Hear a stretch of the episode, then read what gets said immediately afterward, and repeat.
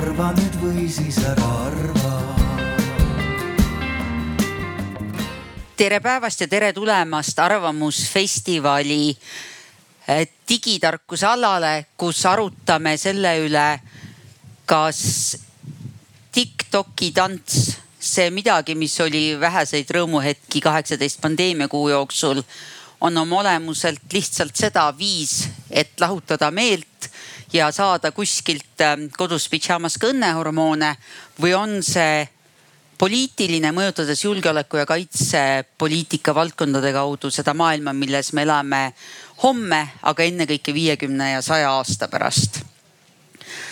Äh, äh, mul on väga hea meel, et laval koos minuga sellel Tartu Ülikooli Aasia Keskuse korraldatud arutelul on teadmised nii tehnoloogia rahvusvahelise poliitika, eriti selle just strateegilise ja normikujunduse poole kui ka Hiina ja selle kultuuri ja poliitkultuuri äh, kujunemise osas alustades minust kaugemalt Urmas Hõbepappel, kes on Tartu Ülikooli Aasia keskusest.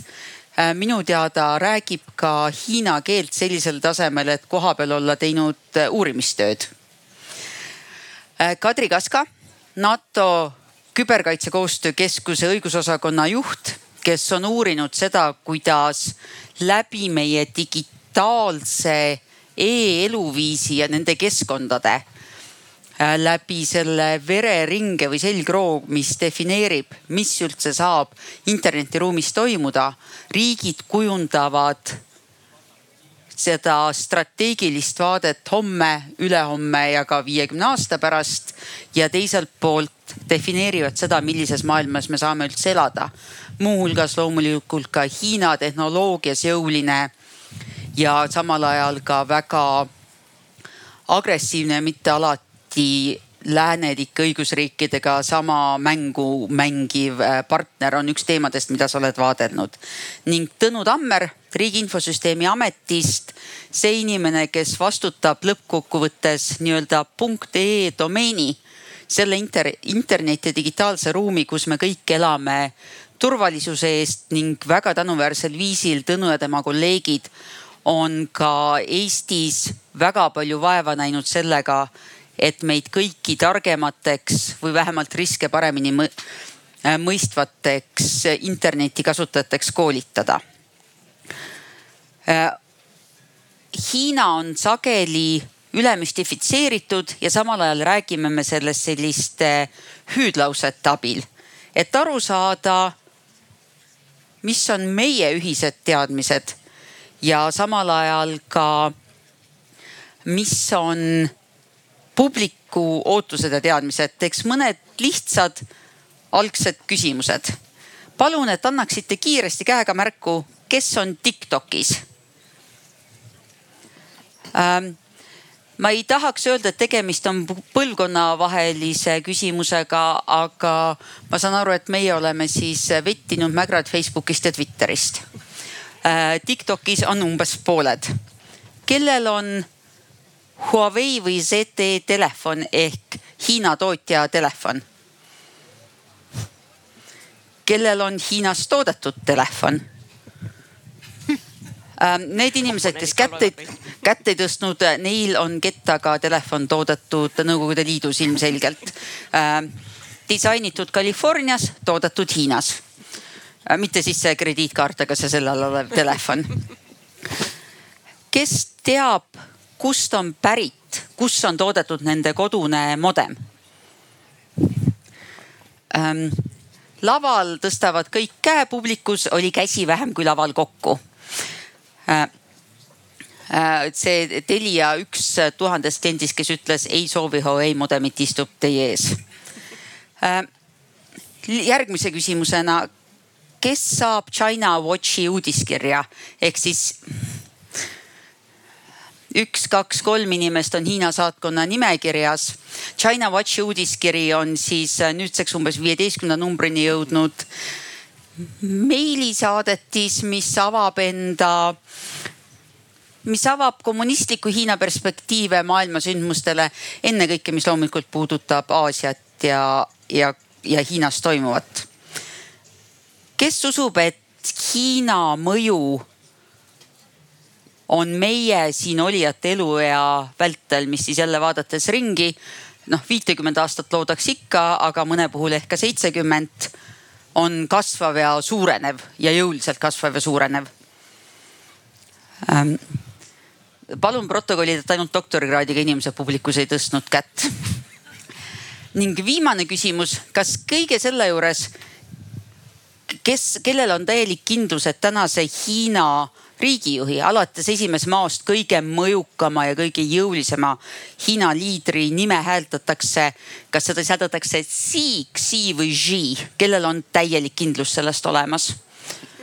üks, kaks, kolm, neli, äh, viis, kuus inimest, kelledest üks on Eesti üks juhtivaid äh, Hiina uurijaid. Urmas, klatime siis selle asja ära.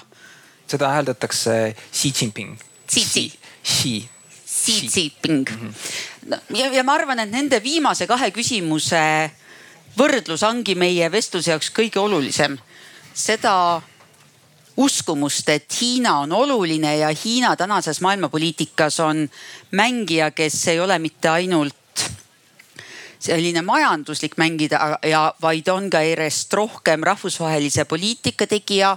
nii kaitse, julgeolekupoliitika, majanduspoliitika kui ka rahvusvahelise õiguse mõttes aga samas, ega me tegelikult isegi ei oska ta riigipea nime hääldada.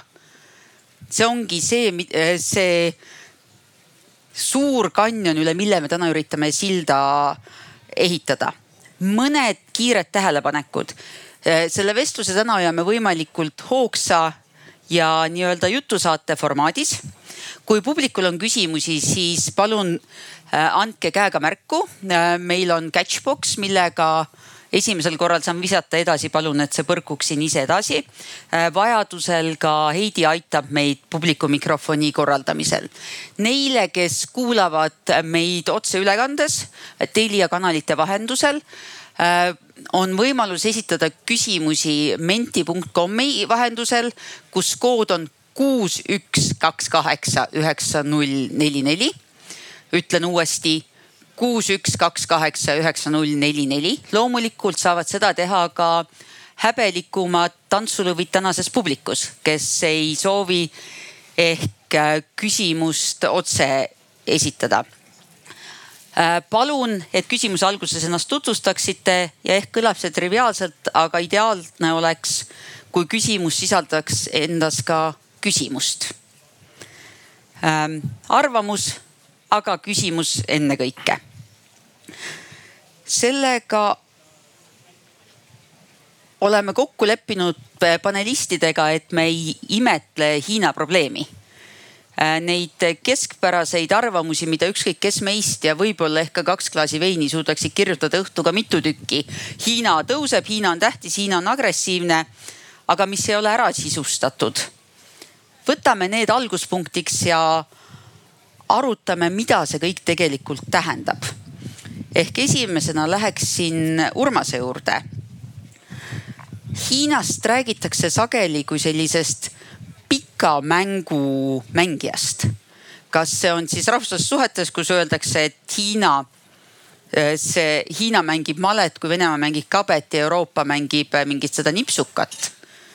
Eh, või see on tehnoloogias, kus mitte ainult ei ole Hiina täna mitmetes valdkondades, eriti privaatsust riivava sidetehnoloogia loomise osas äh, maailmas innovatsiooniliider kümne aasta tagusest kopeerijast või õigus rahvusvahelise ruumi kujundamisel, kus Kadri võib rääkida pikalt, kuidas sellel ajal, kui veidi üle aasta tagasi tegeles kogu Euroopa ja NATO siis koroonaprobleemi lahendamisega, siis Hiina esitas läbi Rahvusvahelise Telekommunikatsiooni Liidu, mis on ÜRO alamkehand, äh, mitmeid ettepanekuid, mis eduka läbiminemise korral mitte ainult ei defineeriks interneti tehnilist selgroogu, vaid ka teeks väga palju lihtsamaks riikidele läbi selle selgroo tegevuse kodanike elektroonilise elu jälgimise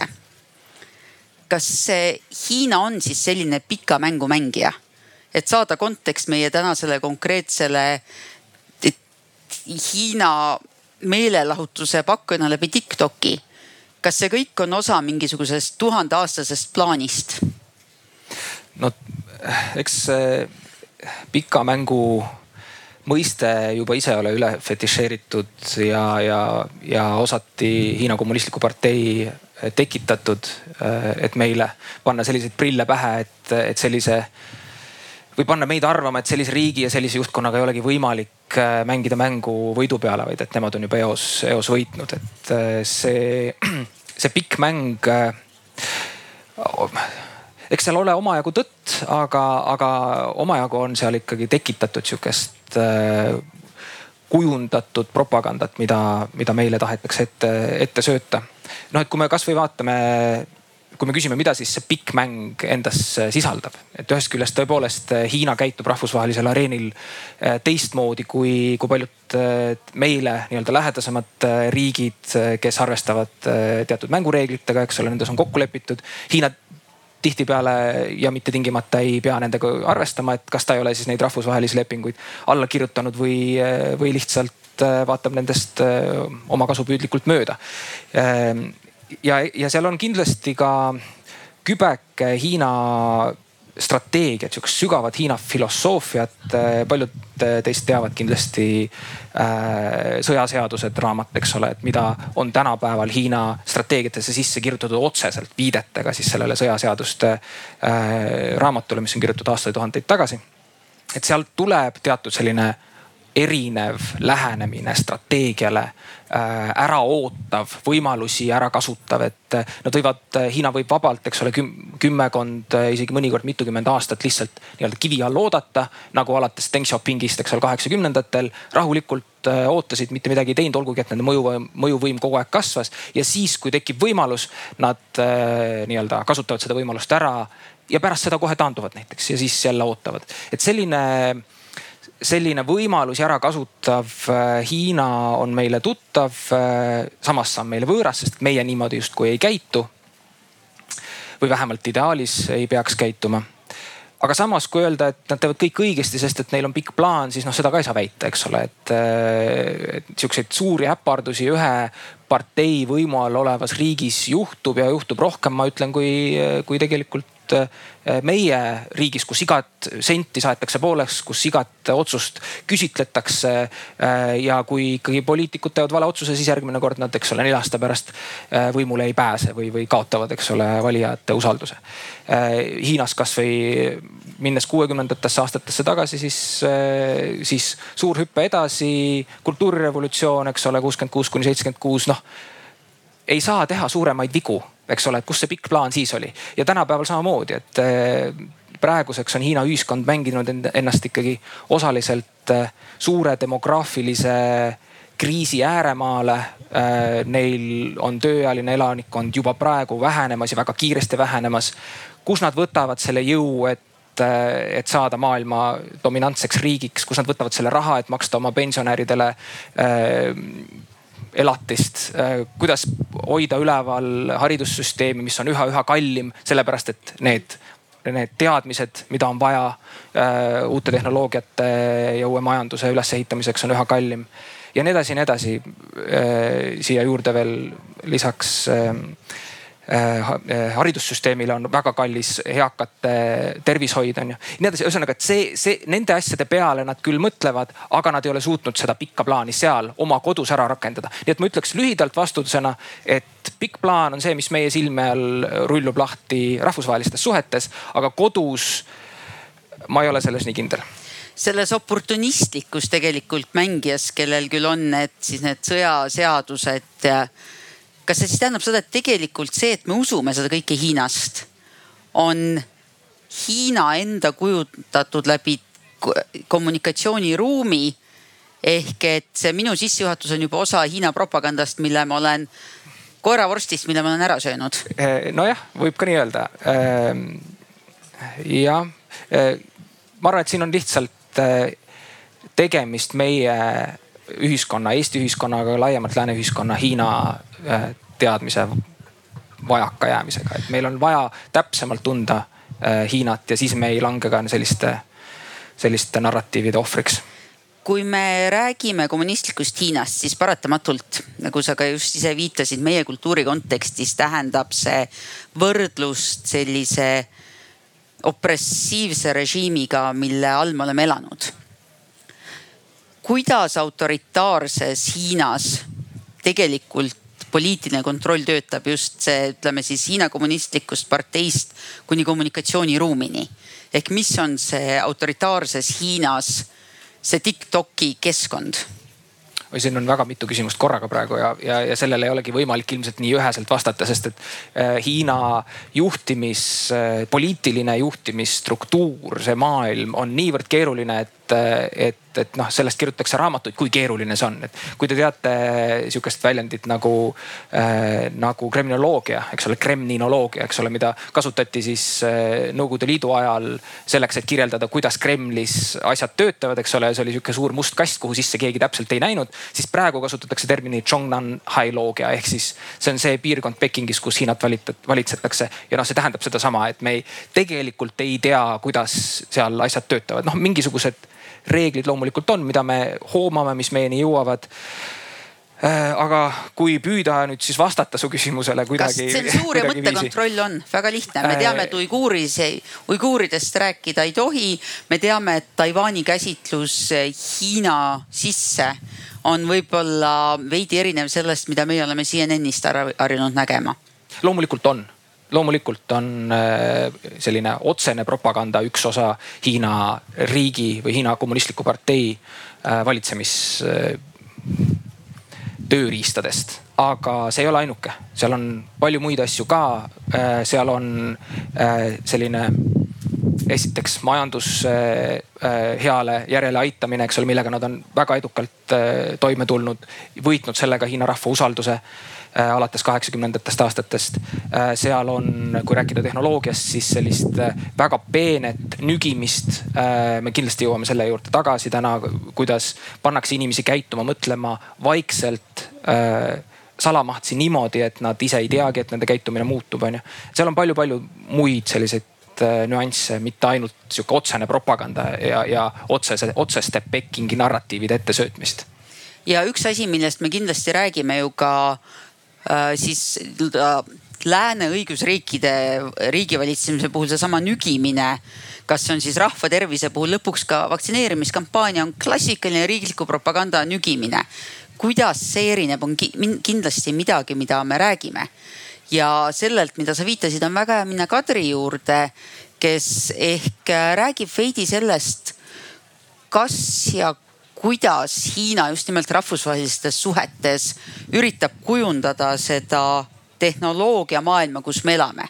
nii kommunikatsiooni kui informatsioonitehnoloogia.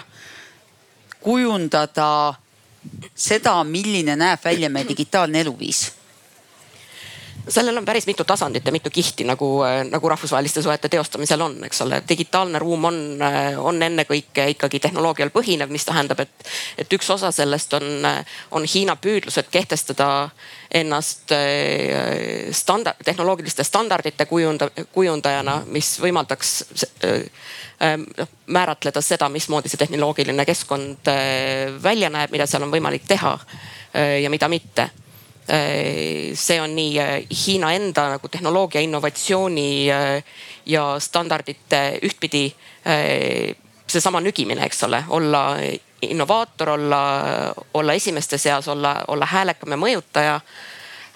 selle kaudu sellise esimese liikujana saada, leida see või saavutada see positsioon, kus de facto Hiina Hiinas välja töötatud tehnoloogia muutub äh, sektori standardiks.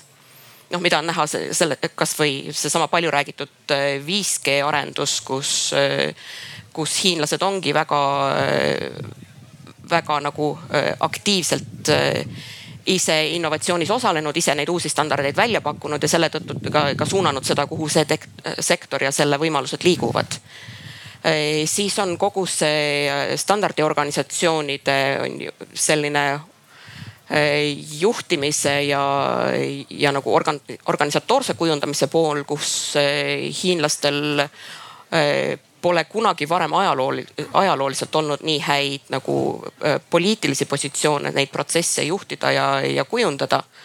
Äh, selles osas on lääs ikkagi otsi väga palju, väga, väga palju käest andnud ühtpidi ootuspärane ja loomulik, teistpidi äh, noh, faktiliselt see neid jõujooni kahtlemata mõjutab. ehk kas siis see tähendab seda, et kui räägivad lääne diplomaadid ja, ja kui ma ütlen lääne, siis ma mõtlen õigusriiki ehk ka Okeaaniat kindlasti. räägivad sellise reeglite pühi, põhise, isikuvabaduste põhise ühiskonna diplomaadid sellest, kuidas nad purjus Vene diplomaatidega ÜRO-s on viiskümmend aastat või seitsekümmend aastat asja ajanud, seitsekümmend veel päris mitte. siis seda, kuidas siis Hiina diplomaadid oskavad asju ajada nii, et nad ei ole eksootiline loom ÜRO pikkades hallides koridorides. no see, see? see poliitiline ja, ja nagu normatiivse ja, ja äh, rahvusvahelise õiguse ja suhete keskkonna mõjutamine on veel eraldi kihistus. noh, see, millest ma enne rääkisin, oli see, mida teha selle tehnoloogilise platvormiga, äh, mille peal kogu seda äh, kogu seda ilu ja teenu, teenusmajandust tehakse ja teine on, on see, mismoodi toimivad riigid omavahelistes suhetes kus samamoodi nüüd viimase enam-vähem paari aasta jooksul, kui need ÜRO äh, kübernormide arutelud on, äh, on nüüd kahes nagu äh, eri suunas käinud, üks on, üks on see rahvusvaheline riiklike küberekspertide grupp, mis nüüd värskelt oma tegevuse lõpetas, kus ka Eesti osales, kus on kakskümmend viis riigi, kahekümne viie riigi eksperdid. Ja kus Hiina väga häälekalt ikkagi üsna lõpuni välja blokeeris kuna tulem peab olema konsensuslik, siis, siis Hiina nagu sõnata ei olnud võimalik seda konsensust saavutada ja, ja nende nagu nad selles mõttes kehtestasid ennast üsna, üsna äh, sirgeselgselt. mitte, et neil oleks olnud erilist äh, positsiooni peale selle, et, äh, et nõutada oma suveräänsuse ja tunnustamist küber, küberruumis, aga ka ei, ei võimaldanud sellel diskussioonil teatud hüüdlaudadest edasi liikuda. Äh, ja teine on siis see, see nii-öelda äh, avatud äh, kübernormide ja rahvusvahelise õiguse töögrupp, kus nad noh ajasid suuresti sama, sama agendat, kus osaleb rahvusvaheline riikide kogukond väga palju laiemalt ja kus nad rivistasid ka enda selja taha rohkem, rohkem siis riike, kellel on huvi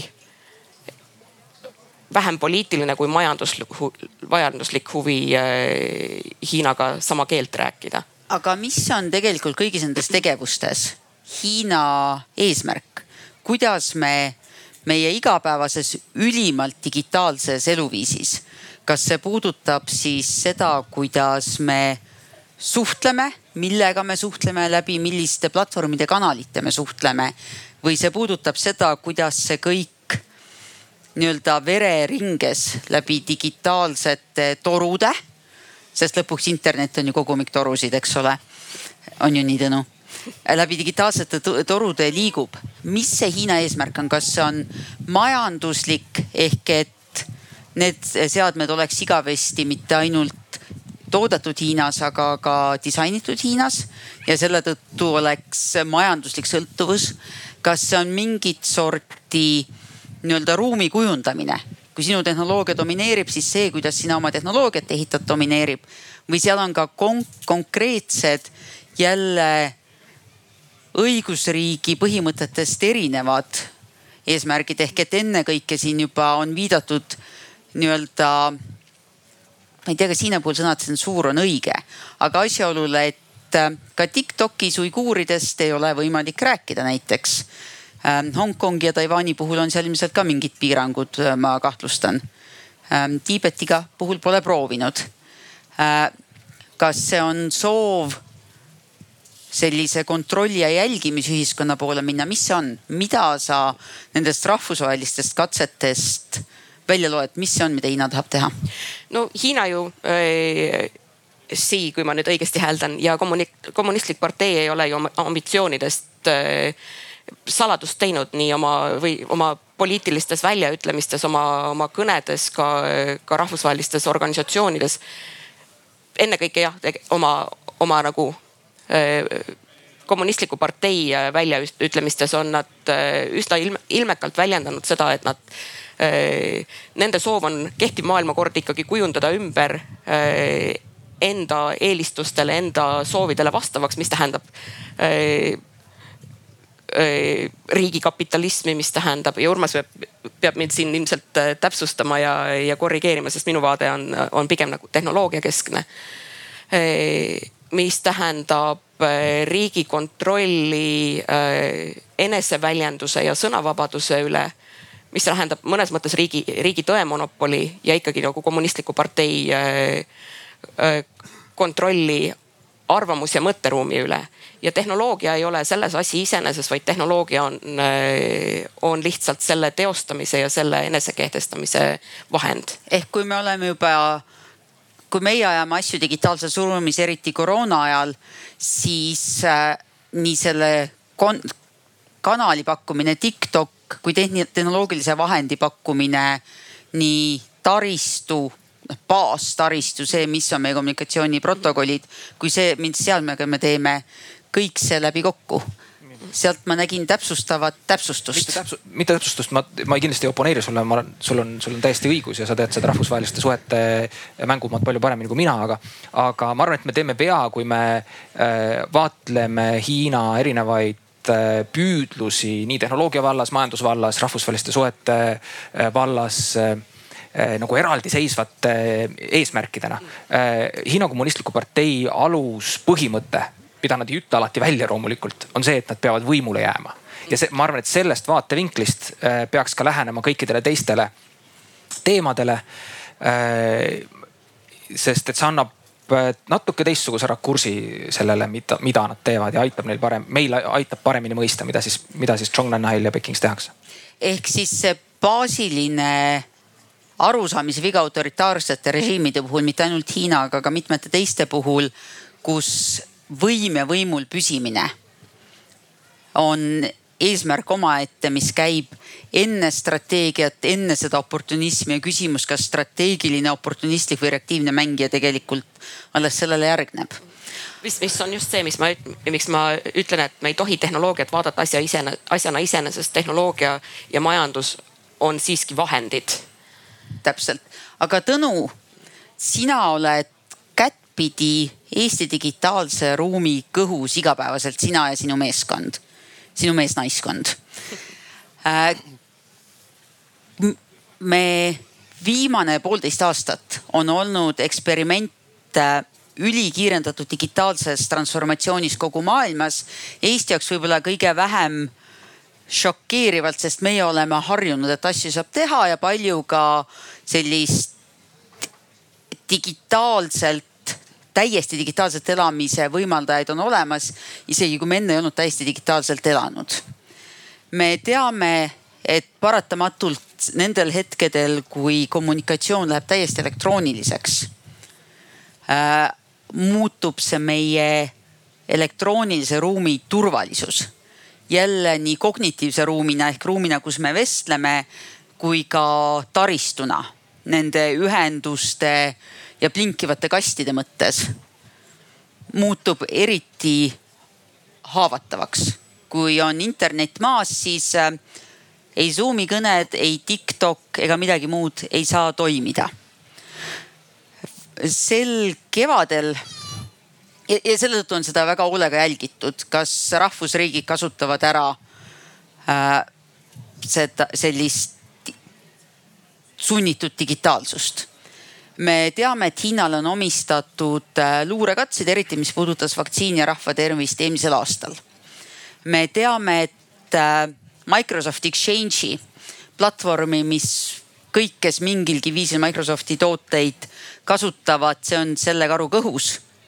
Exchange'i turvanõrkuse ärakasutamist sellel kevadel omistatakse samamoodi Hiina riigile ja tema luureagentuuridele ehk et me näeme, et selles meie digitaalses ruumis on, nagu tõid eelnevad esinejad välja, Hiina oportunistlik ja ka järjest võimekam. kuidas sina näed oma igapäevases töös Eesti küberruumis just nimelt autoritaarset Hiinat tegutsemas? no kui me vaatame viimast paari aastat, siis mõeldes kõikidele erinevatele küberrünnakutele, kus näidatakse näpuga siis ühe või teise riigi suunas, olgu see Hiina, Venemaa, Põhja-Korea, Iraan, päeva lõpuks nad kõik on Eestis käinud mitmeid kordi. ei ole Hiina, Hiina siin erand mis võib-olla natuke üllatab, on see, et näiteks Läti ei käi äh,, Saksamaa ei käi, eks noh, tegelikult me ei näe sellist äh, lääne ühiskondade sarnast käitumist, ehk tegelikult siin on väga ilmsed käitumisjooned. kui me vaatame nüüd äh, riiki, Eestit, kuidas näeme meie julgeolekut? me näeme julgeolekut läbi selle, eriti mis puudutab internetti, et meil on võimalikult palju erinevaid kaableid erinevatesse sidevõrkudesse selleks, et asjad toimiksid. pöörame teistpidi, kuidas näeb Hiina? läbi selle, et neil on kolm sideteenuse pakkujat Hiina kontrolli all, kust kaablid jooksevad riiki. kolm. kui sa tahad oma kaabliga minna, noh sama hästi äh, võid mitte minna tolku sellest ei ole. ehk et, et, et need, need mõttemaailmad ja mallid on pisut erinevad. nüüd seesama viide, mis sa ütlesid äh, exchange'ile, noh lihtsalt üks praktiline näide Eesti äh, koos äh, mitmete teiste riikidega tõepoolest näitas näpuga juulikuus Hiina suunas. ei ole see teema meile uus, käis see teema meie laualt läbi.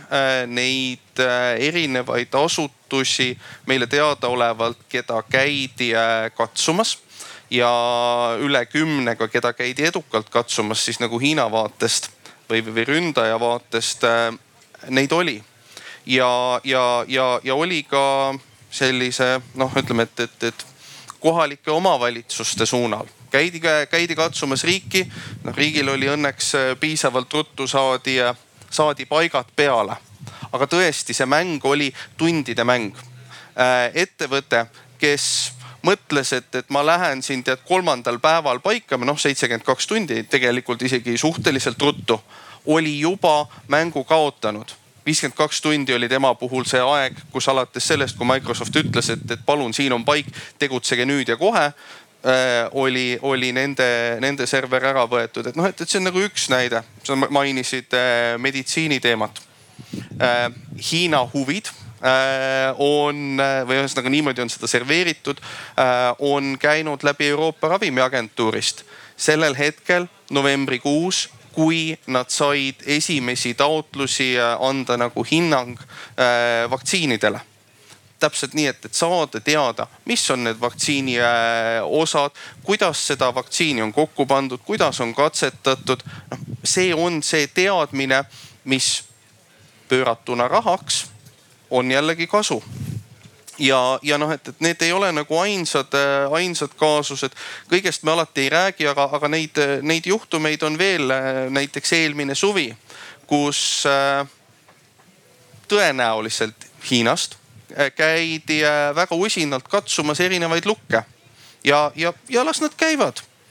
me teame, me ei pruugi alati öelda ja just ka selle strateegilise võtme koha pealt, et mida rohkem me kas ütleme või, või välja näitame, seda rohkem on vastaspoolel teada, et, et ta on vahele jäänud, ta peab oma taktikat muutma. nii et noh, see, see selline kassi-hiire mäng tegelikult ei, ei ole kuskil ära kadunud, aga nagu ma ütlesin, Lätiga meil seda mängu pidada ei tule äh,.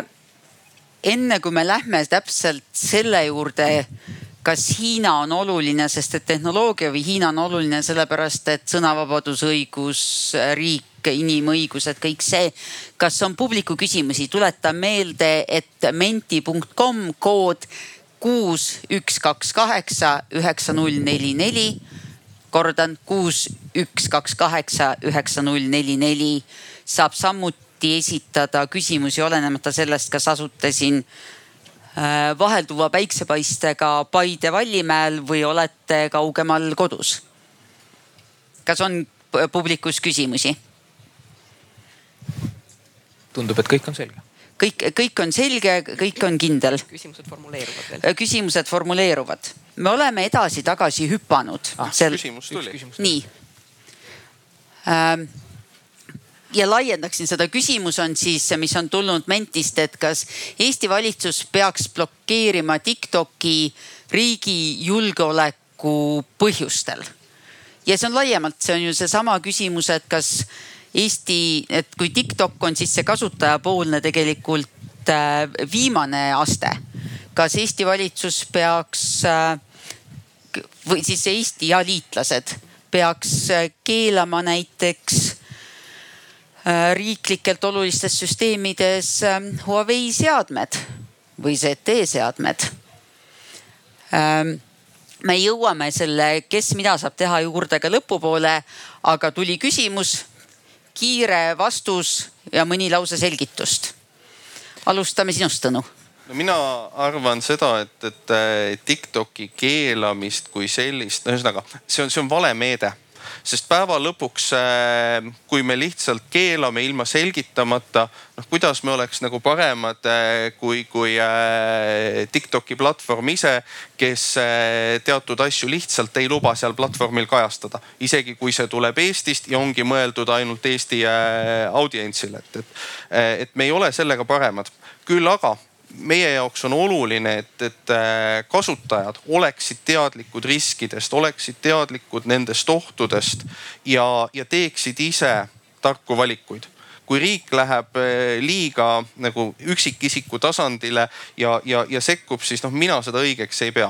nüüd, mis puudutab äh, kuskil kriitilistes kohtades teatud strateegiliste valikute tegemist, siis see on hoopis teine küsimus täpselt nii nagu, nagu iga inimene teeb äh, erinevatest äh, asjaoludest lähtuvalt otsuse, et, et, et kas ta võtab ühe automargi, võtab ta teise automargi. täpselt samamoodi peaks olema riigil võimalik otsustada, kuhumaani, millistel tingimustel ta mingisuguseid asju paneb selleks, et tagada oma kodanikele selle õigusruumi säilimine Kadri, kas ja millistel tingimustel ja ka millist tehnoloogiat saab üldse üks reeglitel põhinev vaba majandusega demokraatlik õigusriik, Euroopa Liidu ja NATO liige hakata keelama?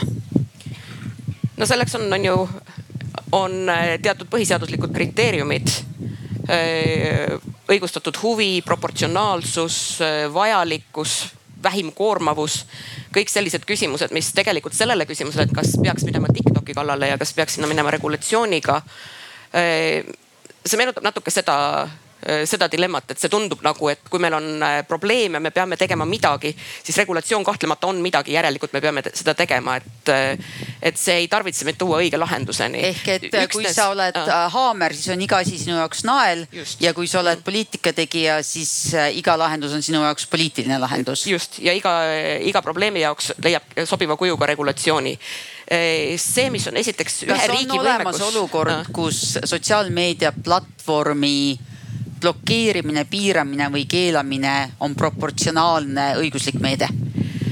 ma kujutan selliseid stsenaariume ette küll ja, ja see on üsna teisest servast näide, aga tegelikult seesama pärast äh, jaanuari alguse Kapitooliumi ründeid äh, Twitteri kontode, sealhulgas ühe ühe toona veel riigipea Twitteri konto blokeerimine sellises olukorras, kus on.... Donald Trump. jah kus sul on eh, massirahutuste on ju massirahutustele kutsumine sellistes olukordades, kus sul on oluline ühiskondlik risk, sa paned need, eh, need õigused ja vabadused on ju kaalukausile siis sa tegelikult saad selle vastuse kätte. aga see Millal oli konkreetse inimese Just. sõnavabadus pluss ka siis oli väga pikk ja põhiseaduse arutelu selle üle, et kas saab keelata pidevalt või tähtajaliselt. just. Ja nüüd, kui sa nüüd mõtled selle asja sellisesse, sellisele skaalale, et äh, hakata keelama tervet platvormi, sellepärast et seal muuhulgas lisaks kassipiltidele ja, ja tantsuvideotele jagatakse ka äh, riigi julgeolekut, siseturvalisust ohustavat sisu ütleme, see vastus üsna tõenäoliselt on, et ei, me tegelikult ei saa seda teha pluss äh, selle efekt, et Eesti keelustab mingisuguse platvormi samal ajal kui Lätis, Soomes ja VPN-i kaudu taevas kust teab, saab seda rahuga edasi kasutada, see mõju nii ehk naa jääks suhteliselt väheseks. ja selle üle, kas kodanikud igal pool üldse peavad saama uiguuridest rääkida või äkki me kuskil tahamegi ainult tantsida ja mis selle mõju on meie demokraatlikule riigikorraldusele, ma tean, et meil Urmasega tuleb veel hoogne arutelu. aga enne seda küsin sinult, et kas, kui suur võit see oleks kommunistliku Hiina jaoks, kui üks NATO Euroopa Liidu liige, kes muuhulgas samal ajal üritab ka reguleerida siis oma sidevõrke ja, ja sealhulgas seda riikliku julgeoleku argumendiga, kes on lubatud 5G äh, baasvõrkudesse ehk meie ülikiire interneti noh selgrooks. Äh, üks Euroopa Liidu ja NATO liige hakkaks seda keelama, see oleks ju netopositiivne argument Hiinale nii nagu ühe teise NATO Euroopa Liidu liikme, keda siin juba Tõnu on täna maininud, äh, Vene telekanalite keelamine oli kindlasti Vene Föderatsioonile ja tema äh, nii propaganda kui luure äh, teenistustele netopositiivne tegevus, on ju nii?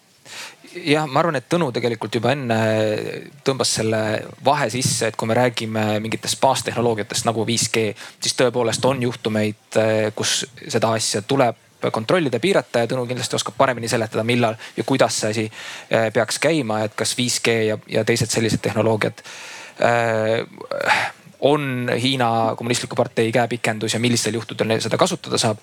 Äh, see on üks asi ja sinna ma selles mõttes mina oma teadmiste juures ei sekku. aga kui me räägime Tiktoki keelamisest või mõne muu Hiina äh, platvormi keelamisest, siis äh, siin ma olen samamoodi eelkõnelejatega nõus, et see pigem oleks vesi Pekingi veskile, et nad saaksid näidata, et näete, mida te teete, eks ole, et, et me teeme ka, et põhimõtteliselt me legitiseeri-, legitimiseeriks nende, nende käitumist. Aga ma juhiks tähelepanu ja Kadri ka tegelikult juba seda natuke nagu puudutas siin, et ma juhiks tähelepanu, et et Pekingile ja teistele meie suhtes äh, agressiivselt meelestatud äh, poliitilistele jõududele ei ole ainult äh, TikTok see, mille kaudu nad meid mõjutada saavad. Facebook, äh, Twitter tegelikult on samamoodi, nad võivad äh, täiesti legitiimseid vahendeid kasutades, eks ole, sinna minna ja meid nügida selles suunas, kuhu, äh, kuhu nad tahavad ja nad teevad seda, eks ole. valeuudised, libauudised on meile ju kõigile nii-öelda tuttav, tuttav teema. nii et, et seda teemat natuke nagu teistpidi pööratult vaadata, siis ma ütleks, et probleem tekib meil pigem siis, kui meil ei ole kodus asjad korras. kui meil sotsiaalmeedia regulatsioonid ei ole paigas, nii et, et sotsiaalmeedia iseeneslikult nii-öelda lõhestab meie ühiskondi. see on kõige kasulikum Pekingile ja teistele negatiivsetele või noh, meie, meie suhtes negatiivselt. Äh, lugupeetavad ja eriti, eriti jälle sina, Urmas. paratamatult pean ma siin äh, äh, viskama õhku siis selle küsimuse, et kas me ei reageeri üle äh,. lõpuks TikTok on midagi, millega me saame rõõmsalt äh, lahutada meelt. Nagu ka Facebooki, Youtube ähm,, ka siis ütleme täiskasvanute paaritumusrituaale pakkuvad veebsaidid äh,, mis, mis, mille kasutus pandeemia ajal oluliselt tõusis. Kas me seda pannes sellesse rahvusvahelise suhete pikaajalise julgeolekustrateegia sousti ei, ei reageeri üle et kas me üldse saame sellest nii koos rääkida sellest, et keegi teeb seda tantsu, mida jälle mina ei oska, aga need poisid ja tüdrukud ilmselt oskavad. on ju. Ähm, ja et, et see kõige ilmsem vastuargument on ju see, et see on lihtsalt natuke kerget meelelahutust. no ja loomulikult, et keegi ju ei väidagi, vähemalt ma arvan, et mõistuse juures olevad inimesed ei väida, et, kogu sotsiaalmeedia on halb või et, või et kogu tehisintellekti tehnoloogiatega kaasnevad äh, hüved meie ühiskonnal tuleks, ühiskonnas tuleks kriips peale tõmmata. et see on ikkagi noh, täiesti uskumatu, et me saame äh, toitu endale koju tellida kahe minutiga, eks ole, aga kakskümmend viis minutit hiljem on see toit meil ukse taga, et see, ma arvan, et keegi ei ole valmis meil, meist sellisest, sellisest asjast loobuda. Minu kogemuses isegi tihtilugu jah. Äh, et siin, siin on positiivset külje veel, aga, aga see, et me räägime sellest äh, kõigest läbisegi, võib-olla osutabki juba sellele, et, et meil on, on mingid mõisted on segamini, mingid regulatsioonid veel ei ole paigas, eks ole. Äh, meil on palju tööd teha ära, enne kui, kui sellised suured tehnoloogiad nagu 5G, tehisintellekt, sotsiaalmeedia tehnoloogiad jõuavad sellise küpsuseni, et, et me ei lõika endale iga kord, kui me seda kasutame, samal ajal jalga ma ei tea, kas te, teie olete. probleemi, et kas, kas me peame sellest nii kõvasti rääkima? ma olen küll seda meelt, et, et rääkimine kindlasti, rääkimine, mõtlemine ja mõtestamine ei ole ülereageerimine. kui me neid küsimusi endalt ei küsi, siis noh siis on pigem see, et me laseme endale lihtsalt naiivselt neelame alla kõik, mis on, on tulemas Pekingi suunalt. ülereageerimine oleks see, kui me ilma mõtlemata ja mõtestamata hakkaksime piirama, reguleerima ja ära keelama ma lisaks siia juurde, et, et, et põhjus võib-olla, miks seda nähakse üldse sellisena, on, äh, see tuleneb asjaolust, et meil on täna kaks generatsiooni, ma ütleks, et isegi kolm generatsiooni või põhimõtteliselt kõik need, kes, kes, kes siin olemas on ja, ja keda siin olemas ei ole. Nad tegelikult ei ole alates esimesest klassist saadik saanud seda haridust koolisüsteemist, mille osas olla tähelepanelik, mille osas mõelda noh, ütleme, et, et, et markantsematest näidetest, mis asi on, on lapsporno, eks ole, ärme sinna mine, aga, aga noh, et, et kuule, et, et kui sihuke on, mine, mine, mine ja, ja räägi emmele, mine räägi issile, eks ole, et, et, et kuidas ära tunda neid asju, mis on hea ja mis on halb ja, ja, ja kuna me neid oskuseid ei ole saanud, sellepärast et see koolisüsteem valmistab meid ette veel natuke teistsuguseks tulevikuks, kui juba täna olevik on, siis äh,, siis ta tulebki inimestena natukene üllatusena, et mis mõttes, eks ole, et, et, et siin on mingid ohud. Ja, ja jah, on, me näeme seda, me näeme neid ohte iga päev aga, aga me nagu väga tihti ei teadvusta endale, et, et need ohud on, on, on olemas. Ja, ja vaadates ütleme, et kuidas me siia oleme jõudnud kus me oleme ja kuhu me võime jõuda, siis see paneb natukene muretsema. ja, ja siin on ju ka täiesti selge, et äh, noh, nagu me tegime siin eelnevalt kindlaks, siis äh, meist keegi ei ole aktiivselt Tiktokis tegutsenud, mis tähendab seda, et me ei saagi olla ja ka siin publikus viibivad õpetajad ei saagi olla usaldusväärsed teenäitajad selles maailmas nagu hästi käitumiseks. aga sul oli vahemärkus, Urmas. ja, et äh, jällegi see mõte on korraks juba siit läbi käinud, et äh, aga ma tahaks selle vestluse siin kas korraks kokku võtta või, või, äh, või vähemalt uuesti osundada sellele, et, et, et see ei ole ainult hariduslik küsimus see ei ole ainult see, et me õpetame oma lastele, uutel generatsioonidel paremini internetis äh, toimima, vaid see on ka regulatsioonide küsimus ja et see on äh, isegi tehnoloogiline küsimus, eks, kuidas need algoritmid ikkagi on üles ehitatud nii, et nad ei viiks viie, kümne, kahekümne viie aasta pärast selleni, et, et äh, pooled Eesti rahva, Eesti inimestest usub, et maa on lapik ja pooled arvavad, et see on hoopis kolmnurkne. või nad peaksid sellest üldse hoolima. just, sest et, et sellisel juhul, kui me sellele teemale tähelepanu ei pööra siis äh, me teeme Pekingi töö nende eest ära.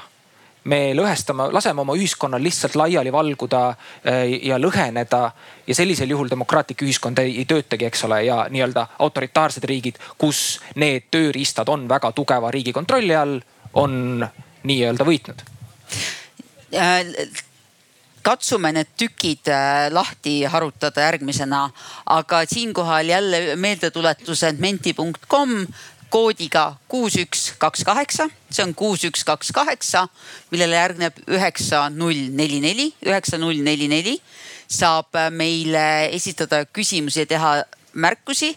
ja siis äh, mulle hirmsasti meeldiks, äh, kui äh, noh, ma annan täielikult aru, et siin publikus on inimesi, keda see meie jutt ajab silmi pööritama ja ma, mulle väga meeldiks, kui need inimesed, kes igapäevaselt käivad äh, Tiktokis äh, ka äh, laseksid endale põrgatada selle mikrofoni ja avaks, mis on Tiktokis ja kas nad kunagi on mõelnud selle peale, et see on olemuslikult sügavalt poliitiline samm või see, selle taga on ka midagi poliitilist, aga nägin publiku küsimust, pärast mida räägime sellest tehnoloogia, meelelahutuse ja inimõiguste vahest. meil on küsimusi ka teiselt poolt äh, ekraani, nii et.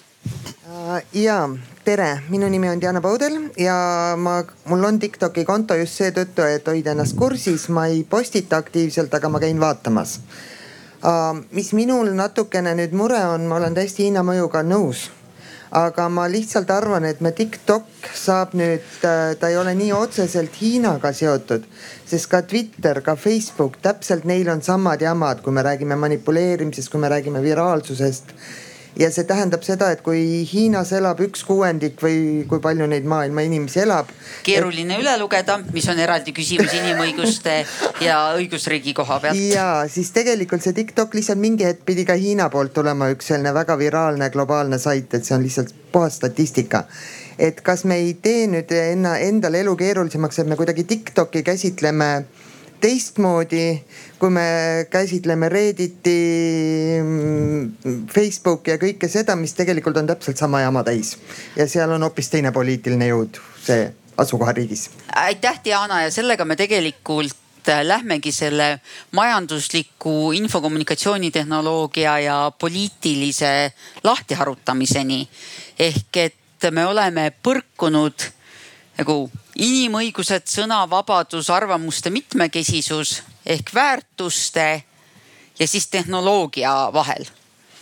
ja et kirvega raiuda, siis need kaks poolt on tõesti, üks on see, mis on inimõiguste, reeglitepõhise ühiskonna ja õigusriigi küsimus.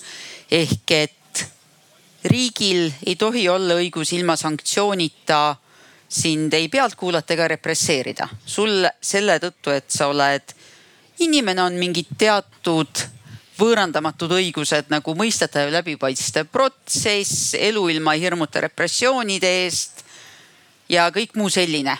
ja ka sinu inimese unikaalsus ja kordumatus on osa sellest, see, mida me lääne õigusruumis nimetame isiku integreediks, mis jälle Urmas ehk täpsustab, ei tundu olevat nii olulised väärtused Äh, Hiina poliitkultuuris. Versus see, millele vihjas Diana, millele on vihjanud ka teised. Ehk et tehnoloogiat arendavad kõik ja kommunikatsiooniruumis inimeste südameid ja mõistusi mõjutada üritavad kõik ettevõtted sest et väga keeruline on müüa oma toodet või teenust, kui keegi ei tea, et sinult on võimalik osta toodet või teenust, kui ka riigid kellel on vaja, et inimesed lõpuks ei ületaks teed punase tulega või laseks ennast vaktsineerida või teeks testi. Äh, kogu see Arvamusfestival siin kogu oma digitaalse toega on ka see äh, ju mingit sorti vähemalt mõjutustegevus kriitiliselt äh, mõtlema ja argumenteerima. kas me saame need kaks asja ära lahutada ju öelda, kumb on see kurja juur, sest tõesti jälle nagu Diana viitas demokraatiast ja osalusest ja kogukonnast eh, eemalduda või kapselduda on võimalik kõigil sotsiaalmeediaplatvormidel ning just ennekõike Facebook on see, mil eh, varase turule tulijana, mille puhul me teame, et Facebooki mullimajandus ehk see, et sa oled kõlakojas, kus sinusugused on sinu ümber on paljuski põhjus, miks ka näiteks Ameerika Ühendriikide kuuenda jaanuari siis äh, olenevalt kellelt küsid, kas äh, mäss või demokraatia põhiväärtuste marss Kapitooliumile, mille käigus said surma nüüdseks vist kokku kuus inimest, on samamoodi ju tekkinud sellest mullistusest. ehk et kas Hiina puhul on see tehnoloogia probleem, miks me sellest räägime, või on see inimõigustesse puudu, puutuv ja miks just see? Tõnu. ma võib-olla ühe asja õiendaks ära, et, et, et äh, kui sa tarbid kuue näiteks Youtube'i vaatad mingisugust eh, spetsiifilist asja, siis otse loomulikult sul järgmised pakkumised on ka noh, sinnasamasse kanti, eks ole. Eh, vaatad eh, Google News'i, noh, ma ei tea, vaatad, ütleme mingisugust fashion'i poolt, noh ta pakubki sulle selliseid asju. Tõnu, nüüd siin kogu publiku kõige olulisema küsimuse vettinud mäkrade generatsioonilt, palun, palun teeme ära kuidas on nii, et kui ma oma telefoni läheduses ütlen, tahaks šokolaadi, siis Facebook annab mulle šokolaadireklaame? no vot, näed eh, Facebook, eh, Facebook eh, teab ka palju seda, mida, mida sa guugeldad ja, ja otsid, eks ole. et noh, et, et see on nagu sellist tüüpi tehnoloogiate paratamatu omadus ja, ja, ja selles mõttes ei ole see TikTok, äh, kelle eesmärk on ka publikut hoida ja enda poole tõmmata ja noh, seda positiivset tagasisidet anda, äh, äh, kuidagipidi erand. küll aga ei ole võimalik sul Youtube'is või, või, või, või Facebook'is olles ja asudes Eestis postitada või ütleme, et sa saad postitada asju, mis on sul kooskõlas Eesti õigusruumiga. See on fundamentaalne erinevus, mida sa näiteks Tiktoki või Hiina tehnoloogiaid või platvorme kasutades teha ei saa. mis tegelikult ei ole üldse tehnoloogia, vaid on pigem just see inimõiguste ja, ja, ja kultuurilise ja poliitilise arusaama teema. Kadri esiteks Diana, aitäh väga hea küsimuse eest ja teiseks ma ei saa jätta ütlemata, et see on suurepärane töö, mida sa teed. mul on, mul on väga hea meel ja, ja soovin sulle südamest jõudu aga see küsimus on iseenesest, äh, kogu see komplekssus on muidugi omamoodi äh, äh, põnev ja valulik, see on, see on see häda, et sellel ajal, kui terve ilm maadleb koroonaga, ei ole muud tõved maailmas pausile pandud. ehk siis ühtpidi ongi teadvustades endale seda milleks Hiina kasutab oma tehnoloogiasektorit ja oma tööstust ja oma teenuseid me ei saa ka mööda sellest, et, et mõned aspektid, mida, mida, millele nemad näiteks oma, oma sellisest autokraatlikus ühiskonnas suudavad suhteliselt hästi mütsi pähe tõmmata. nagu näiteks mitte, et nad noh TikToki puhul seda väga teinud oleks, et see, see kogu see sõltuvuse nagu taastootmise ja, ja tekitamise mehhanism, mis, mis sellistel platvormidel ja, ja teenustel tihtipeale sisse on ehitatud. Hiina suudab või vähemalt üritab sellist asja oma sõnutsi äh, rohkem kontrollida, kui, äh, kui lääne ühiskonnad on suutnud oma platvormidel näiteks seda teha. kas see teeb nüüd ühe platvormi paremaks kui teine? sa saad alati midagi, mis on äh, või nende mõlema puhul on mingid, mingid nagu toote ja teenuse omadused on sellised, mida sa, mida sa soovid, mis on su väärtustega kooskõlas ja siis on äh, sellised, mis on problemaatilised ja millega sa tahaksid, aga ei oska midagi ette võtta. noh, oleks, et need probleemid oleksid nii äh, lihtsakoeliselt äh, ja sirgjooneliselt lahendatavad, et keerame, keelame ära ühe suuname teisele ja meil on maailm probleemidest tühjaks saanud. kui ma võin võtta kaks eelnevalt kokku ja formuleerida täpsustavaks küsimuseks sulle, sulle Urmas. lõpuks ju see väga lihtne kokkuvõte on see, et tehnoloogia oma olemuselt on väärtusneutraalne, tal ei ole poliitilist kallustatust või ideoloogilist lähenemist. aga see hetk, kui sa tehnoloogiat rakendad, on ta oma olemuselt ideoloogiline, poliitiline ja talle tulevad kõik need asjad juurde. ja ta võib olla ka noh, väga selgelt inimõigusi väga kergesti rikkuv. et mis see on Hiina puhul, Hiina tehnoloogia kasutuses nii see, mis puudutab kommunikatsioonitehnoloogiaid kui see, mis puudutab siis laiemalt infotehnoloogiat. Äh, mille pärast me peaksime muretsema või mida me peaksime nagu ette vaatama mm.? eeldades, et sa ostad ära mu selle inimõigused versus tehnoloogia sõlme lahti raiumise. Uhu, äh võib-olla alustan natuke kaugemalt või, või, või natuke teise nurga alt üldse, vaatame, kas me jõuame siis selle sinu küsimuseni ka. Äh, praegu on maailmas tekkimas äh, kaks, kui mitte kolm sellist tehnoloogiarežiimi, ma julgen seda niimoodi nimetada. Äh, ühes, ühes küljes on siis Ameerika Ühendriigid oma, oma tehnoloogiatega, kus mängureegleid tegelikult kehtestavad ettevõtted, vähemalt senimaani kontrolli nende üle ei ole suudetud minu teada vähemalt veel äh, adekvaatselt äh, saavutada. ja pimesi ka äh, avalikkuse usaldus on ettevõtetes, mitte riigi juures. just ja äh, nad tuginevad sellise, sellisele neoliberaalsele väitele, eks ole, et ettevõtlus peabki olema vaba, eks ole, ja ei mõelda tegelikult selle peale, millist äh, lühemat ja pikemat efekti need tehnoloogiad ühiskonnale avalduvad, avaldavad Äh, teisel pool äärmuses on siis see Hiina mudel, eks ole kus äh, kõik tehnoloogilised, kõik ettevõtted, kõik inimesed äh, on seadusega kohustatud alates kahe tuhande kuueteistkümnendast aastast, siis kui see seadus vastu võeti, see hakkas hiljem natuke kehtima. on kohustatud oma, on kohustatud tegema riigiga koostööd kui riik seda tahab. ehk siis kõik see Tiktoki kogutud info, mida Äh, riik tahaks enda eesmärkide ära kasutada, siis äh, riik võib seda küsida ja TikTok on sunnitud selle riigile äh, andma. seal kehtestatakse, ühesõnaga see on üks näide lihtsalt, kuidas Hiina riik on, on neid tehnoloogiaid suutnud oma käpa all hoida.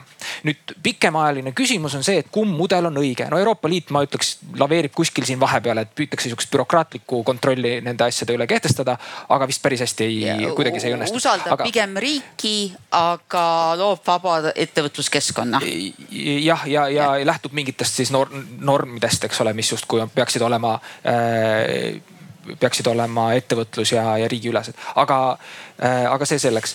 ja oma tehnoloogiatööstust ka eriti nagu ei ole. jah, just, et see, see selles mõttes teebki võimalikuks üldse, et, et need, nad on nagu nii-öelda võimelised laveerima kahe vahel. aga noh, pikemas perspektiivis me oleme silmitsi küsimusega, et kumb mudel on siis nüüd õige, et kui, kui äh, Hiina suudab neid tehnoloogiaid selgelt kontrollida samal ajal inimes, inimvabadusi piirates kas saja aasta pärast nad on nii-öelda efektiivsema efektiivsemad kui meie.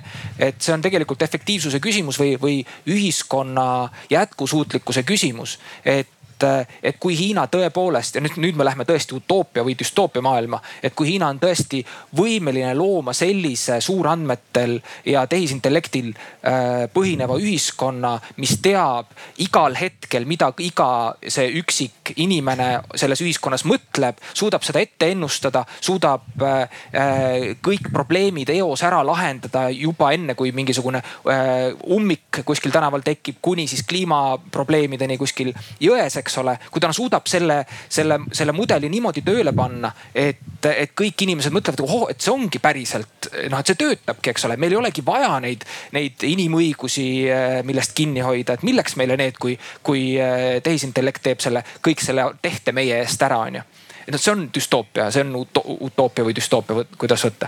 Eh, siis me oleme meie siin oma demokraatlik demokraatiaga oleme käpuli, onju. meil on äh, äh, endiselt rahvas tänaval, kui neile äh, poliitika ei meeldi või mingid otsused äh,, nii edasi, nii edasi ja siis sealt koorub välja veel see probleem, et sellisel juhul see Hiina mudel, millest on päris palju räägitud, saab väga ahvatlevaks kõikidele teistele riikidele. Nii et ma ei tea, kas ma nüüd vastasin su küsimusele või ma panin täiesti mööda, aga mingisugune tõde on ilmselt selles, et, et aeg näitab ja, ja kas see efektiivsus on see, mille pärast me inimesed, inimestena ühiskonnaks organiseerume.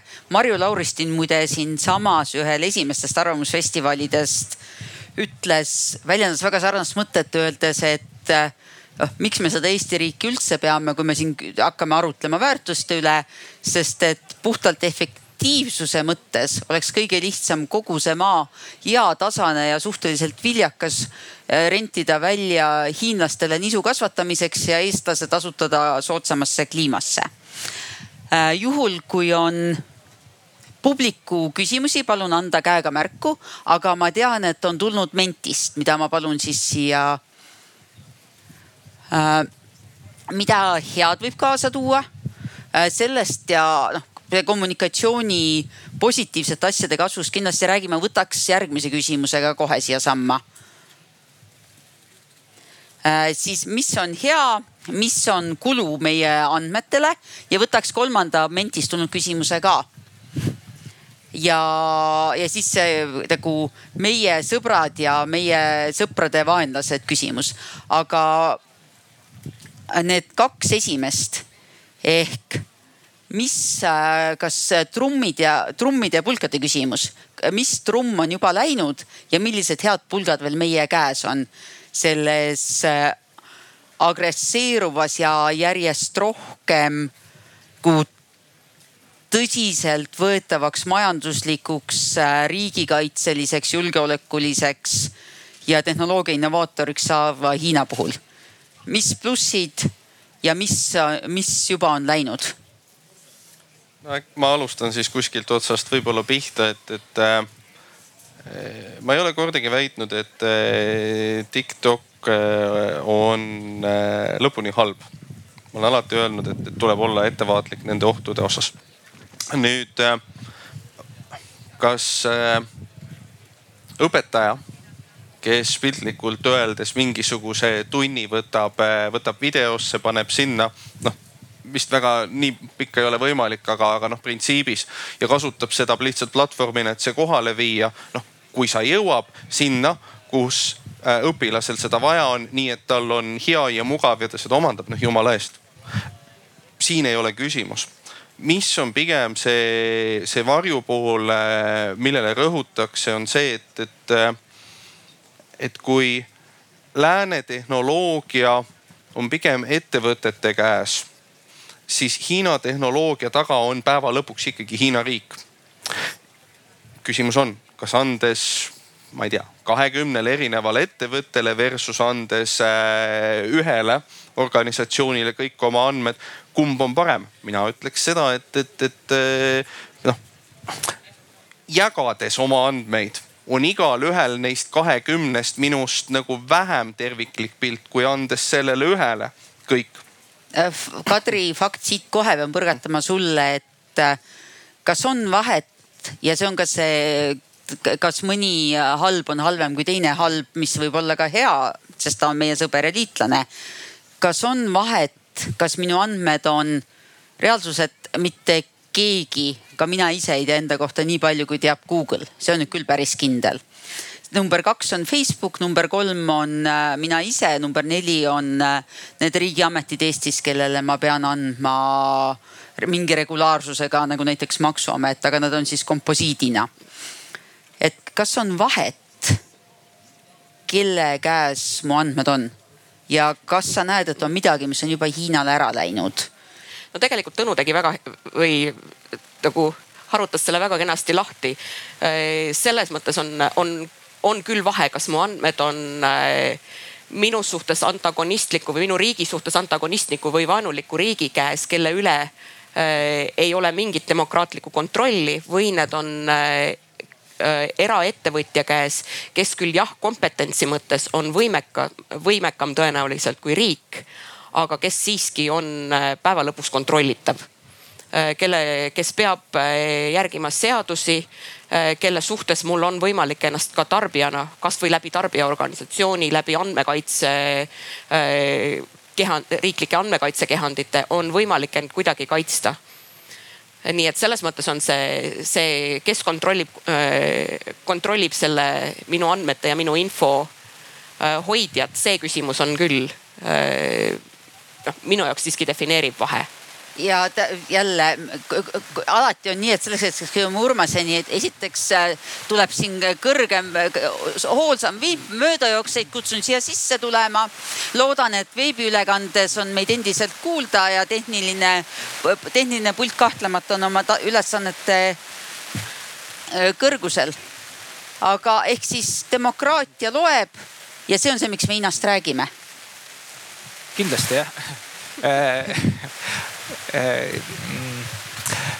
tulles tagasi korraks veel nende mõtteavalduste juurde, siis äh, me oleme praegu rääkinud, kes meie äh, infot haldab ja kui suur on siis ühiskonna kontroll nende, nende selle info või selle nende tead, teadmiste, teabe üle, eks ole.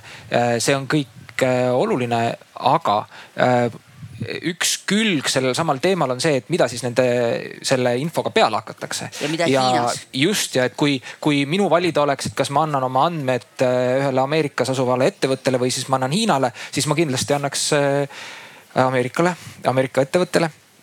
Äh, sest et ka Hiina riik, eks ole, kogub andmeid selleks või ta võib neid mingil hetkel ära kasutada selleks, et hakata meid siin nügima, et mida rohkem on tal minu ja meie, meie ühiskonna kohta andmeid, seda suuremad on tema võimed või äh, seda parem on tal meid mingil hetkel hakata manipuleerima niimoodi, et me ei pruugi sellest isegi aru saada, eks ole. ja see ei ole mitte ainult nüüd aastate küsimus, et TikTok tuli turule ja nüüd järsku on Hiinal on ju kogu see info käes, vaid see on, kui me räägime ühiskonnast, siis see on aastakümnete küsimus ja selliseid pikemaid trende, pikemaid nügimisi niimoodi saabki teha üks autoritaarne riik ehk et see eesmärk on oluline ja me ei saa tehnoloogiat tema eesmärgist äh, eraldada. Äh, juhul, kui on tulnud uusi küsimusi Mentis, palun neid äh, kuvada. see tegelikult sellele me juba vastasime ära miks on Hiina mõju halvem kui, kui kellegi teise oma. nii et juhul, kui ei ole siin Paide publikus küsimusi, ongi meil õige aeg arutleda selle üle, et mida see kõik, see siis mittedemokraatliku ja majandust ning tehnoloogiat kontrolliva autoritaarse riigi rahvusvahelise võimu kasv. mida see tegelikult tähendab? kas ühel hetkel, nagu siin on viidatud, Euroopa enda tehnoloogia innovatsioonivõime on suhteliselt väike, nagu siin on viidatud, meie siis valik seega on justkui nagu USA mis on turuusku ja seega tegelikult on Euroopasse teinekord vähem sobiv, sest ta tuleb teistsugusest majanduslikust ja regulatiivsest ruumist. ja Euroopa väga reguleeritud ruumis on siin suur turule tulemise kulu talle. Et kas ühel hetkel on oht, et me jääme justkui selle lööklaine alla, mis Hiinast tuleb, see, millele Urmas vihjas, kui et noh atraktiivne ruum, kus kõik on efektiivsusele optimeeritud kas me oleme need, vabandan äh, vulgaarse metafoori pärast, need ära keedetud konnad ja see on juba paratamatu? et kas me lähme sinna vai, järjest vai, vaikselt paratamatult liigume sellise autoritaarse Hiina kontrollitud maatriksi sisse? vabandan ka siis äh, halva teadusliku fantastika filmi viite pärast rohkem äh, klišeelikke küberviiteid ei tee hey.? ma ei arva, et me oleme seal ära keenud ja ma ei arva, et sealt ei ole teed välja, aga sellist äh, mugavat, kiiret ja lühiajalist lahendust, mis meile midagi maksma ei lähe ja mille saab ühe valimistsükli jooksul ära teha, äh, sealt äh,, sealt ka tulemas ei ole. ehk siis noh, eks ei ole ju ka see saladus, et eks äh, Euroopas on need, on need julgeolekulised diskussioonid tehnoloogia üle ikkagi viimased mõned aastad järjest lahtisema tekstiga ja järjest nagu, nagu sisukamaks muutunud. et ja Euroopa on üles ärganud vähemasti sellele, poliitilised otsustustasandid üldiselt on üles ärganud sellele, et tehnoloogia äh, mõjutab meie julgeolekupositsiooni. ja ja on väga suurel määral majandusega seotud, ehk siis majandusotsuseid ei saa teha lahus julgeoleku mõjuta.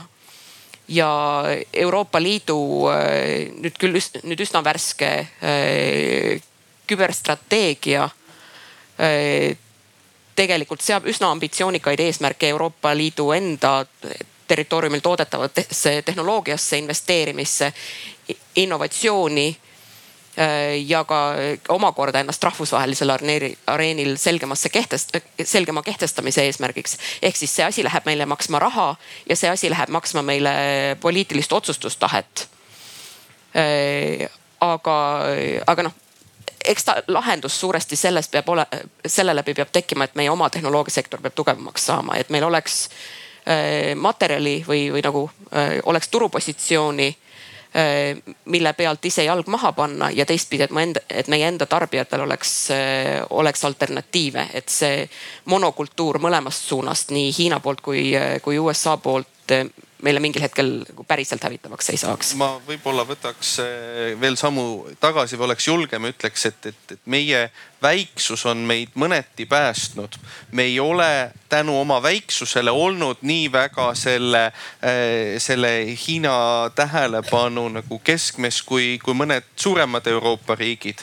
ja, ja kui meie täna noh, kõige avalikumalt on räägitud 5G-st, eks ole, kus eh, teatud Hiina tehnoloogilist mõju piirata Äh, siis on riike, mis võib-olla on juba natukene kaugel sellest äärest, et kui täna hakata piirama, siis läheb kohe väga valusaks ehk et, et, et need, need noh, nad, nad on tiba hiljaks jäänud. meie veel ei ole hiljaks jäänud, aga kui me ei tähtsusta ja me vaatame üksnes selle vaatenurga alt, et täna Hiina tehnoloogia on kopikas odavam ja me vaatamegi üksnes äh, rahanumbri võtmes, siis jah, see, mis on täna odavam, päeva lõpuks võib tulla tükk maad kallim aga, aga me ei pääse sellest, et me seda riski teadvustame ja kui me ütleme, et, et me ei taha sinna suunda liikuda, siis meil tuleb teha neid otsuseid ja panna sinna lisaks ilusatele sõnadele ka natukene riigieelarvet. ehk Urmas, autokraatlik dopamiin on ikkagi halvem kui demokraatlik dopamiin, see rahulolu, mille saame siis nendelt meelelahutuslikest platvormidest no,. dopamiin on ikka dopamiin, aga äh, ma saan aru, mida, millele sa siis äh, siin sihid, et äh, et need vahendid jah, millega meile seda dopamiini kätte serveeritakse, võivad olla erinevad ja, ja ähm, TikTok äh, kui üks Hiina platvorm, kust me seda dopamiini saame äh,, võib olla selliste konksudega, mida me hakkame alles hiljem äh, millest me hakkame alles hiljem äh, aru saama ja jah, me ei räägi siin praegu aasta või aastast või kahest, vaid me võime rääkida kümnetest aastatest, nii et me, meil oleks ka vaja seda pikka plaani, nii nagu väidetavalt äh, Pekingil on. Äh, mis juhul, kui on publikul küsimusi, siis hetkel on see, et küsige nüüd või igavesti hoidke esiritta. nii. nii, tere, ma olen Liisa Hõbepappel, Urmase abikaasa suurepärased nimevalikud publikus. aitäh.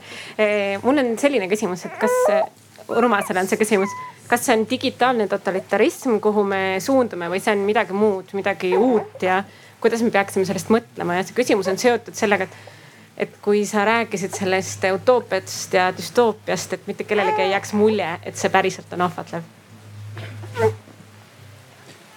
Äh, ja äh, sellest on äh, kirjutanud see Zubov, äh, kui te olete äh, lugenud äh, Age of, of cap, Surveillance Capitalism kaks tuhat üheksateist ilmunud raamat, soovitan kõigil lugeda, kellel veel paranoiat elus küll ei ole. Väga tõsine ja, ja, ja, ja hästi kirjutatud raamat ja seal äh, Zubov tõesti tõstatab selle küsimuse, et kas meie ühiskond äh, on suundumas siis äh, digitotalitaarsesse ühiskonda, kus kõik on, on ettevõtete loodud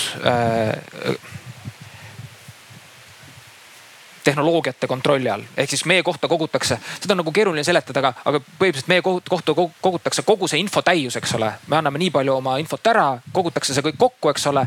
ja lõpuks nad tunnevad, nii nagu on siin korduvalt öeldud, Google tunneb meid paremini kui, kui me ise. ja siis hakatakse meid vaikselt suunama, eks ole, kuhugi, kuhugi poole, et me, et me käituks ühte või teistpidi ja, ja lõppude lõpuks ei olegi enam vaja äh, poliitikat, kus me vaidleme, vaid, äh, vaid meid lihtsalt niimoodi kõiki nagu ühe massina suunatakse mingisuguses suunas. et kas see on siis total, totalitarism ja ta väidab äh, sellele, äh, Zubov siis ise väidab sellele vastu, et see ei ole äh, digitaalne totalitarism. sest et seal puudub ideoloogia, seal puudub mingisugune äh, normatiivne äh, arusaam, kuhu ühiskond peaks liikuma, sest et kõik on, kõik lähtub lihtsalt rahast. aga kui ja me mõtleme. on ka raha peale konkurents isegi siis, kui ettevõtetel on suur turuvõim. jah jah, aga kui me kui me räägime äh, Hiinast, siis ma arvan, et see, see mõiste ma olen küll politoloogiline natukene nagu skeptiline, aga et see mõiste võib olla täitsa äh, adekvaatne. et ja sellest me juba rääkisime ka, eks ole, et kui, kui Hiina äh, suudab luua selle, selle düstoopilise maailma, kus riigi kontrolli all, väikse, väikse poliitilise eliidi kontrolli all on kogu infotäius. Nad teavad kõike, mida nende, nende ühiskonnas äh, toimub, siis neil on see, võib-olla ka see võime mõjutada ühiskonda niimoodi, et ühiskond sellest ise aru ei saa ja seda võib nimetada juba totalitarismiks turismiks mööndustega? Äh, nende semantika juurde tuleme tagasi aga viimane küsimus publikust ja väga sobivalt ettevõtjalt. tere, tere, Marek Kiisa minu nimi ja, ja ma olin eile siinsamas telgi all koodimiskooli temaatika oli siis Ida, Ida-Virumaal teeme koodimiskooli. see on täiendõpe, aga ma tahaks astuda nüüd paar sammu tagasi ja selles suhtes, et siin tekkisid sellised hästi huvitavad paralleelid, et, et kõik see digitarkus, see on nagu tänapäeval suhkur, mis poeb iga toiduaine sisse. et seesama digi poeb ju tegelikult iga valdkonna sisse. me ei saa sellest üle ega ümber. kui me krutime siin sada aastat tagasi ja kui ehitati esimesed asfaltteed ja autod tulid, tulid peale, siis siis hakati ka ju seda liiklust reguleerima kuni selleni välja, et, et me oleme kõik käinud oma, oma lastega käe kõrval selle koolitee läbi, kus on foor, seal tuleb seisma jääda ja nii edasi ja nii edasi. täna me tegelikult nende, nende noortega ei tee seda harjutust, et nemad on nii-öelda siis digipädevad, nad on rohkem digipädevamad kui nende vanemad. ja need vanemad ei käi laps kõrval seda kooliteed läbi. ehk mida ma tahan öelda, et, et need vanemad ei mõjuta neid lapsi minema siis internetti ja, ja, ja, ja siis Tiktokis oma tantse või mis iganes oma infot seal levitama. et minu meelest natukene on ka probleem selles suhtes, et, et kuidas me seda noort põlvkonda suudaksime adekvaatselt suunata õpetada nendele jutumärkides liiklusreeglid selgeks selles suures maailmas. ja kui me võtame selle Hiina, võtame ette, siis nagu jutumärkides Hiina ehitab selliseid globaalseid maanteid, kus siis sõidavad ilma piduriteta autod, eks. et, et need autod ei ole ei, alati. Hiina kommunistliku partei pidurdatud autod. Nojah, või siis eh, tohutu gaasiga autod ilma pidurit vahet pole. aga, aga noh, mõte jääb samaks, et me peame tegelikult keerama oma fookuse siis selle, selle noorte poole, kes on eh, noh, nii-öelda digital native'id. Aga meie kui digital immigrandid ei hoolitse nende eest mul läks veidi pikaks ja ma ei tea, kas siin oli ja. küsimust, aga. aga see juhatas suurepäraselt sisse minu viimase küsimuse, mis äh, ka enesekriitiliselt peame ütlema, et äh, asjaolu, et äh, noh, et see, me siin nagu tädid ja onud rääkisid asjast, mida teevad keskmiselt kuueteistaastased, on võib-olla meie enda märkimisväärne möödalask, mida edaspidi ei tohiks endale lubada ja, ja see, mis sa, Marek, välja tõid, on tõesti see, et see käest käe kõrval käimise suhe on teistpidi. ehk et, et tavalisem on ikkagi see, et laps aitas mul internetipangas üle kanda äh, neid, kelle siis noortest täiskasvanutest pojad ja tütred said järsku pandeemia ajal pere peamiseks toiduga varustajaks, sest et äh, nende jaoks oli täpselt see nagu digitaalne toidu tellimine oli loogilisem kui inimese jaoks, kes teab, et piimalett ja juustulett on Prismas kõrvuti. ja sellega me tulemegi viimase küsimuse juurde, et kui me oleme kokku leppinud, et hinnates sellist isikut väärtusena ja tema vabadusi, sõnavabadust, arvamuste mitmekesisust väärtusena, siis me ei taha minna sellesse düstoopiasse, mis on, kas me nimetame seda autori-, totalitaarseks internetiks või me nimetame seda, mis oli see digitaalne türannia. totalitarism. digitaalne totalitarism, et kui me oleme kokku leppinud, et me sinna ei taha minna, siis minu viimane küsimus kõigile panelistidele on see, et mida me saame teha ja veelgi olulisem, mida me kriitilisena peame tegema täna ära. Äh, et seda vältida ja seda nii üksikisikuna ehk alates tõesti sellest, et kes keda õpetab selles veebiruumis tegutsema või kuidas teeb igaüks meist oma tarbimisotsuseid. Telia laval on kohane, kohane meelde tuletada, et mina Telia tehnikult spetsiifiliselt palusin mitte ühe, ühe juba mainitud tootja ruuterit küsisin, kui sageli neid sedasorti tellimusi tuleb ähm, et tehnik ütles, ei oska öelda, küsisin, et noh, et ma ei tea, et üks kümnest või üks sajast või üks tuhandest, tema vastas nii palju kindlasti mitte. ehk siis, mis on need üksikisiku tegevused, esiteks. teiseks, mida Eesti riigina ja kas me siis räägime sellest noh nagu operatiivrakenduslikust, Tõnu, kus sina igapäevaselt tegutsed või me räägime regulatiivsest, Kadri, mida näiteid sina tõid või ka akadeemilisest ja pedagoogilisest. ja kolmandaks õigusriikide kogukond, ükskõik kas NATO, Euroopa Liit või siis see abstraktne sarnaselt mõtlevate riikide kogukond, kes kes austavad reegleid ja õigusriiki mis on tohutu ürospiik selle kohta, et me täpselt ei tea, aga me arvame, et meil on kaasamõtlejaid. mida neil kolmel tasandil saaks ära teha? alustaks ehk sinust, Urmas eh,. Mm -hmm. ma arvan, et minu sõnum äh, kuulajatele on see, et äh, kahe sõnaga kodukorda et kui me hoolitseme selle eest, et, ähm, et meie ühiskond oleks hea digiharidusega, et meie seadus, seadused oleksid korras äh, ja ei lubaks meie enda loodud, nii-öelda meie läänes loodud tehnoloogiatel ühiskonda lõhestada Äh, siis on meil ka palju vähem vaja äh, karta äh, Pekingist tulevat agressiooni. ja teiseks, et Hiina ei, ma arvan, et meil ei tasu üle fetišeerida, üle hinnata Hiinast tulenevat ohtu või õigemini sellest tuleb loomulikult rääkida, aga Hiina ei ole ainult oht ta elab meie sama, sellesama sinise taeva all ja on palju enam, ma julgen isegi öelda, palju enam teemasid, kus me peame Hiinaga tegema koostööd et lahendada meid ühiseid probleeme, kui et nendega peab tingimata vastanduma.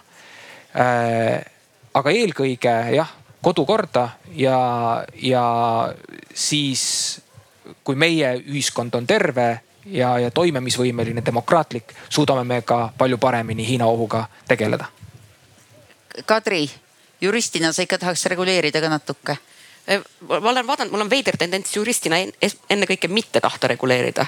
Need nagu regulatsioonikirjad tulevad pigem mittejuristide käest tavaliselt. aga mida aga üksikisik on... Eesti ja mm., ja õigusriiki austavad riigid teha saavad? no tegelikult mul on äh, raske vastu vaielda või isegi palju, palju lisada sellele, mida Urmas juba ütles, eks et see põhialus ongi see, et äh, harjuda ära sellega, et me tegelikult vastutame kõige eest, mida me oleme taltsutanud, ehk siis sellesama äh, tehnoloogia puhul. et me mitte ainult ei mõtle sellele, mis hüvesid me sealt äh, kätte saame, vaid ka seda, kuidas me oma, oma kodu korras hoiame. kuidas seda tehnoloogiat vastutustundlikult kasutada. Äh, et me üksikisiku tasandil, ka lapsevanema tasandil. mulle tegelikult, äh, kuulasin äh, seda paralleeli ja mulle, mis mulle väga meeldis seal on see, et, et see ei ole enam ühesuunaline liiklus tingimata, kus vanem õpetab äh, last, vaid see peabki olema dialoog, sest kui laps oskab paremini kasutada tehnoloogiat, siis vanemal on see sotsiaalne küpsus, mida lapsel ei ole.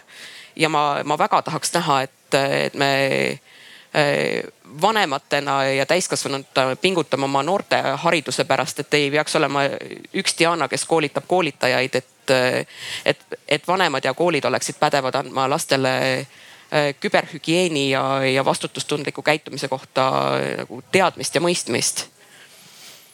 Äh, mida me saame riikidena teha?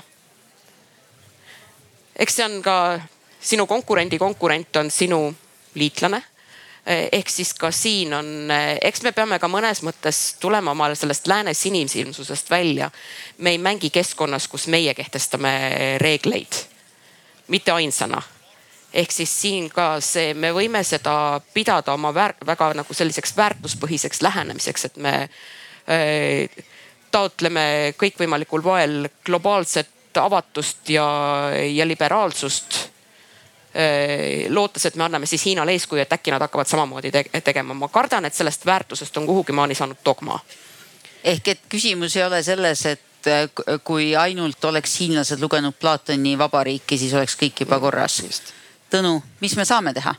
ma esimese asjana ütleks inimestele, et esiteks, et ärge kartke tehnoloogiat äh, ja ärge kartke seda, et selleks, et ta toimiks, ta vajab andmeid üks näide, äh, mul äh, tuttav äh, ülikooli professor, kes aitab politseid mõningate kriminalistika asjade puhul, ütles, et süüdimõistmisele aitas kaasa, et ründaja telefon oli lähedal samal ajahetkel, kui ohvri kell lõpetas südametuksete registreerimise.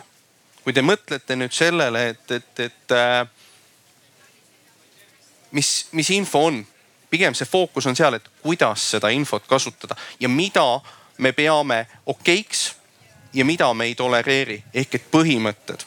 politseil ei olnud sugugi lihtne neid andmeid kätte saada, vastupidi, see oli üsna keerukas. aga printsiibis, kas see on see, kus me tahame, et, et need andmed tegelikult oleksid nagu teeks meie eh, midagi head või neid kasutatakse meie vastu. mina tahaks pigem seda viimast et noh, et, et äh, need andmed teeks meile head ja mitte ei, ei, äh, ei, ei manipuleeritaks, et, et riigina me ei saa minna ülemäära reguleerima tehnoloogiat. see pagan areneb iga, üha kiiremini. me peame ühel hetkel paika panema väga selged printsiibid ja ütlema, et, et, et needsamad, mis on meil põhiseaduses, tegelikult vahet ei ole, kehtivad ka tehnoloogia puhul. see tähendab seda, et ma ei pea panema eraldi kirja, et, et drooniga äh, Kadri akna taha minek äh, vajab eraldi õigust, vaid et, et tegelikult tal on see olemas ja noh, seda tuleb äh, selliselt nagu ära kasutada äh,. siit ju kokkuvõttes kõige olulisemana täpselt see jääbki kõlama, et inimeste inimväärikus ja inimõigused. see Kadri õigus mitte oma koduakna taga jälg, jälitajat omada on äh, igal juhul kehtiv, välja arvatud teatud kohtumenetluse või uurimise käigus antud sanktsiooni, mille annab kohus või prokuratuur. taustal olev maakohtunik ütleb mulle, kas ma jäin mõnest äh, näite, mõne näite unustasin ära. see on Kadri õigus ja oluline on et me elame ühiskonnas, kus see õigus kehtib digitaalses ruumis samamoodi nagu analoogs, analoogruumis meie igaspäevas äh,. suur tänu, suur tänu äh, viipekeeletõlkidele, kes on pidanud meie ja vihmavalinguga koos siin hakkama saama. suur tänu kogu Telia äh, lava tehnoloogiatiimile kes jällegi võimendas meid nii siinsele publikule kui ka, kui ka internetti, olenemata sellest, milline oli vihmasabin ning Tartu Ülikooli Aasia Keskusele, kes selle paneeli kokku pani äh, selge teadmisega, et kuigi on jagatud väärtused, on väga erinevad perspektiivid, kuidas me neid siia lavale toome. ja kõige suurem tänu loomulikult Äh, siinse Tiktoki ja rahvusvahelise poliitika kokku heegeldanud panelistidele Urmas Hõbepappel, Kadri Kaska ja Tõnu Tammer. selge see.